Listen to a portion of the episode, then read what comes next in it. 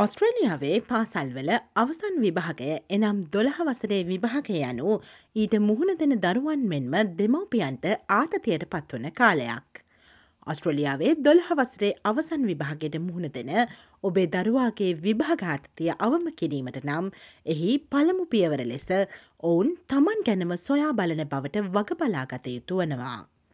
අධ්‍යයන කටයුතු ව්‍යයාම විවේකය සහ නින්දයන සියල්ලේම සමතුලිතතාවයක් පවත්වා ගැනීමෙන් ඔවුන්ට විභාගය හොඳින් කිරීමට අවස්ථාව හිමි වනවා. අධ්‍යයනය කටයුතු කිරීමේ හොඳ පුරුදු මෙහිදී වැදගත් වනවා. විභාගාතතිය කළමනා කරණය කරන්නේ කෙසේද යන්න අපි දැන් විමසා බලමු. දොළහවසර විභාගයේදී බොහෝ සිසුන් ඇතැම් විශ්වවිද්‍යාල පාටමාලාවලට ඇතුල්වීමට හෝ ඔවුන්ගේ පවුලේ අය සතුටු කිරීමට විභාගය ඉහලින්ම සමත්වීමට බලාපොරොත්තු වන නිසා ඔවුන්ට එය පීඩාකාරී විය හැකි. ඊට අමතරව පාසල අවසන් වූ පසු කුමක් සිදුවේද යන්න පිළිබඳව අවිනිශ්චිත භාවයද මෙම යෝන් දරුවන් පීඩාවට පත් කරනු ලබනවා. ඔබට ඔබේ දරුවා වෙනුවෙන් පාඩම් කළ නොහැකි නමුත් ඔබේ දරුවාගේ විභාගාතතිය කළමනාකරණය කර ගැනීමට ඔවුන්ට උපකාර කළ හැකි. ඒ සඳහා ඉතා සරල ක්‍රම කිහිපයක් යොදා ගන්නට පුළුවන්. හොඳින් ආහාර ගැනීම හොඳින් නිදා ගැනීම සහ ව්‍යයාම කිරීමට සහ පාඩම් කිරීමෙන් පසු විවේක ගැනීමට කාලයක් යොදා ගැනීම යන මේ සියල්ල විභාගාසන්න වන විට ඔබේ දරුවාට නිරෝගීව සිටීමට උපකාර වනවා. විභාගය නිසා ඇතිවන මානසිකාතතිය පාලනය කිරීම සඳහා ව්‍යයාම කිරීම අත්‍යවශ්‍ය වනවා. ව්‍යයාම සාමාන්‍යයෙන් සෞඛ්‍ය සම්පන්නව සිටීමට අවශ්‍ය වන බව අපි කවුරුත් දන්නා කරුණක්. ඒවගේම ව්‍යයාම මගින් මොලයට යම් උත්තේජනයක්ද ලබා දෙනවා.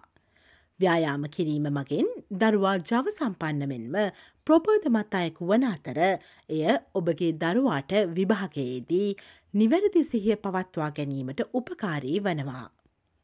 ඔබේ දරුවාට පාඩම් කිරීමට බොහෝදේ තිබුණත් නිතිපතා ව්‍යයාම කිරීමට දිරිගැන්වීම ඉතා වැදගත්.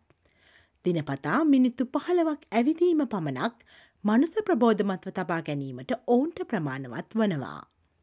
දිගුවේලාවක් පොතක් හෝ පරිගණකයක් දෙස බලා මේසයක සිටීම පාඩම් කිරීමේ අත්‍යවංශංගයක් ලෙස පෙනුනද එය ඔබේ දරුවාගේ සෞඛ්‍යයට යහපත් වන්නේ නැහැ.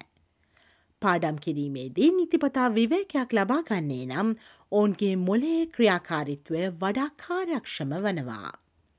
ව්‍යයාම කිරීමට කාලයවෙන් කිරීමෙන් පාඩම් කිරීමට ඇතිවේලාව මගහැරීම ගැන ඔබේ දරුවා කනස්සලට පත්ව සිටි නම් ඔවුන්ට පාඩම් කිරීම සමඟ ව්‍යයාම කිරීම ඒකාබද්ධව සිදු කළ හැකි.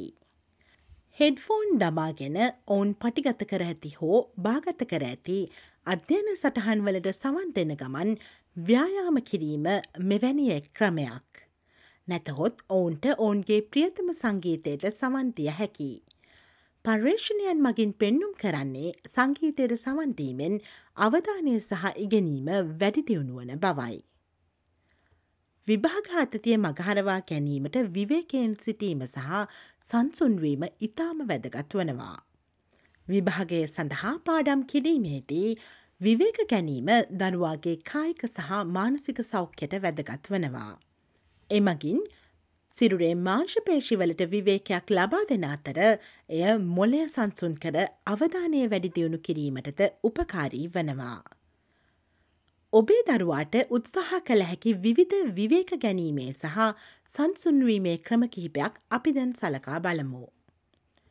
මයින්ෆුල්නස් හෙවත් නිවැරදි සේකල්පනාව පුහුණු කිරීම මෙවැනි එක් ක්‍රමයක්. සාමකාමී ස්ථානයක් මනසින් මවාගෙන හිස මුදුනේ සිට ඇගිලිතුඩු දක්වා සෙමෙන් ශරීරයේ විවිධ කොටස් ලිහිල් කිරීමට අවධානය යොමු කරමින් විශ්වලයිසේෂන් හෙවත් චිත්තරූප මැවීමද සංසුන්වීම සඳහා සිදු කළ හැකි තවත් ක්‍රමයක් වනවා. හුස්ම ගැනීම සහ පිට කිරීම ගැන අවධානය යොමු කරමින් ආනාපාන සතිය වැඩීමෙන්ට මනස සංසුන් කරගත හැකි වනවා.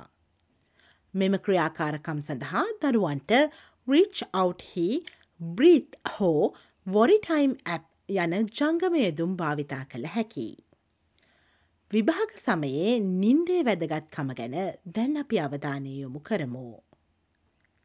ඔබේ දරුවා ආතතියට පත්ව සිටින විට සහ ඔවුන්ට පාඩම් කිරීම සඳහා දවසට ප්‍රමාණවත් පෑගණනක් නොමැති බව හැඟෙන විට ඔවුන් රෑලිවනතුරු පාඩම් කරන අතර අඩුවෙන් නිදා ගැනීමට පෙළඹෙනවා.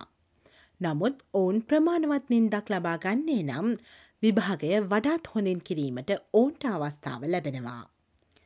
හොඳ රාත්‍රයේ නින්දක් මගින් ඊළඟ දවසේ විභාගයේදී දරුවාගේ අවධානය සහ මොලේ ක්‍රියාකාරිත්වය වැඩි දියුණු කරනු ලබනවා.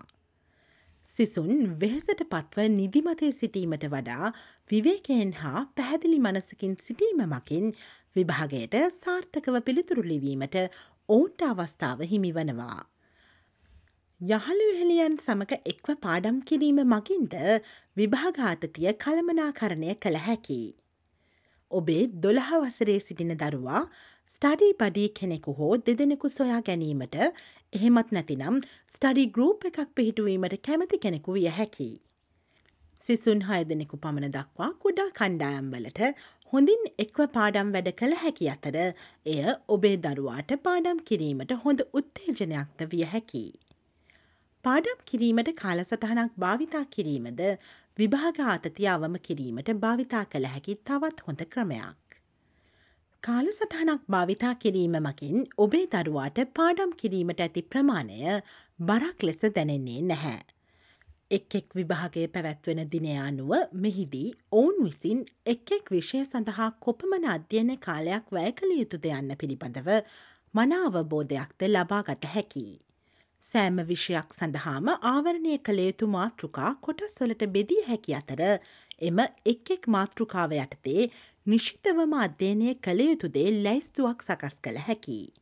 එවිට ඔබේ දරුවාට යම් කාලසීමාවකදී කාලසටහනට අනුව පාඩම් කළ යුතු කොටස පිළිබඳව පමණක් අවධානය දිය හැකිවන අතර එමගින් ඔවුන්ට ආතතියකින් තොරව වඩා කාර්යක්ෂමව පාඩම් කිරීමට හැකිවනවා. දොළහ වසරේ විභාගයට මුහුණ දෙන දරුවා නිතිපතා විවේක ගතයුතු වනවා. බොහෝ අය හතලිස් පහයි පහළවේ රීතිය භාවිතා කරන අතර එහිදී මිනිත්තු හතලිස් පහක් පාඩම් කර මිනිත්තු පහළවක විවේකයක් ලබා ගැනීම සිදු කරනවා.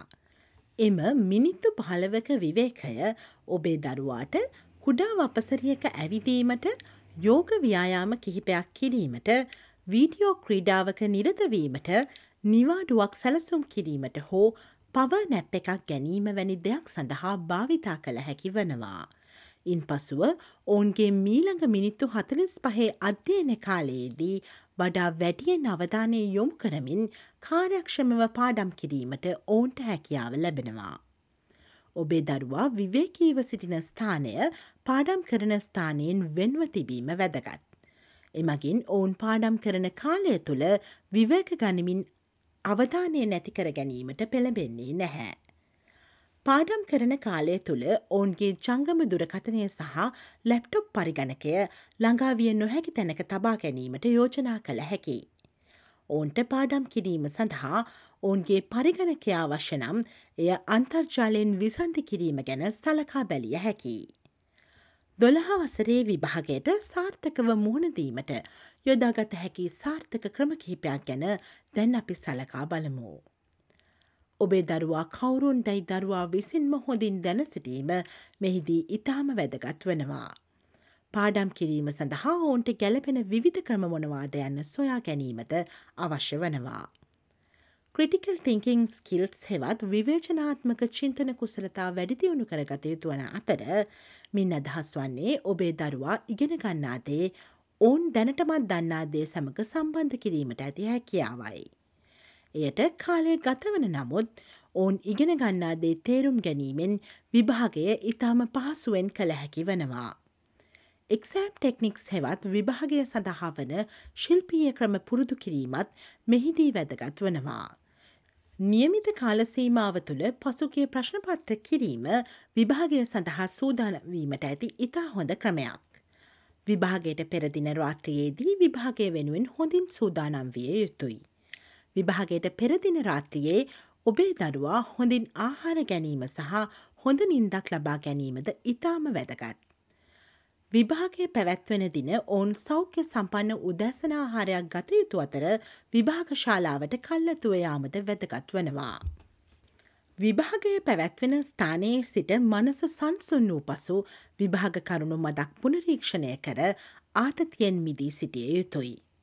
විභාග කරුණු කටපාඩම් කිරීම නොකළ යුතු දෙයක්. කටපාඩම් කිරීම ඔබේ දරුවා වඩාත් ආතතියට පත් කරනු ලබනවා. ගැඹුරු හුස්මක් ගැනීමට සහ ඔවුන් දන්නාදය කෙරෙහි විශ්වාසය තැබීමට ඔවුන්ව දිරිමත් කළ යුතු වනවා. සාමාන්‍ය දැනීම භාවිතා කිරීමත් තර්කානුකූලව කරුණු ගලපා ගැනීමත් මගින් බොහෝ විට ඔවුන්ට සාර්ථකව විභාගයට මුහුණදිය හැකි වනවා. විභාගයේදී කිසියම් ප්‍රශ්නයක් අපහසු බව දැනුනොත් අදාළ විෂයේ ප්‍රධාන කරුණු සහ මූලික සිද්ධාන්ත සෙහිකිරීමෙන් පිළිතුරු ලබා ගත හැකි බවත් ඔවුන්ට මතක් කරදීම වැදගත්. ඔස්ට්‍රලියාවේ කලින්නව වැදගත් නවතම තොරතුරු දැනගැනීමට SBS.com.au/ සිංහල යන අපගේ වෙබ් අඩවියට පිවිසන්න. SBS SBS SBS SBS SBS SBS Radio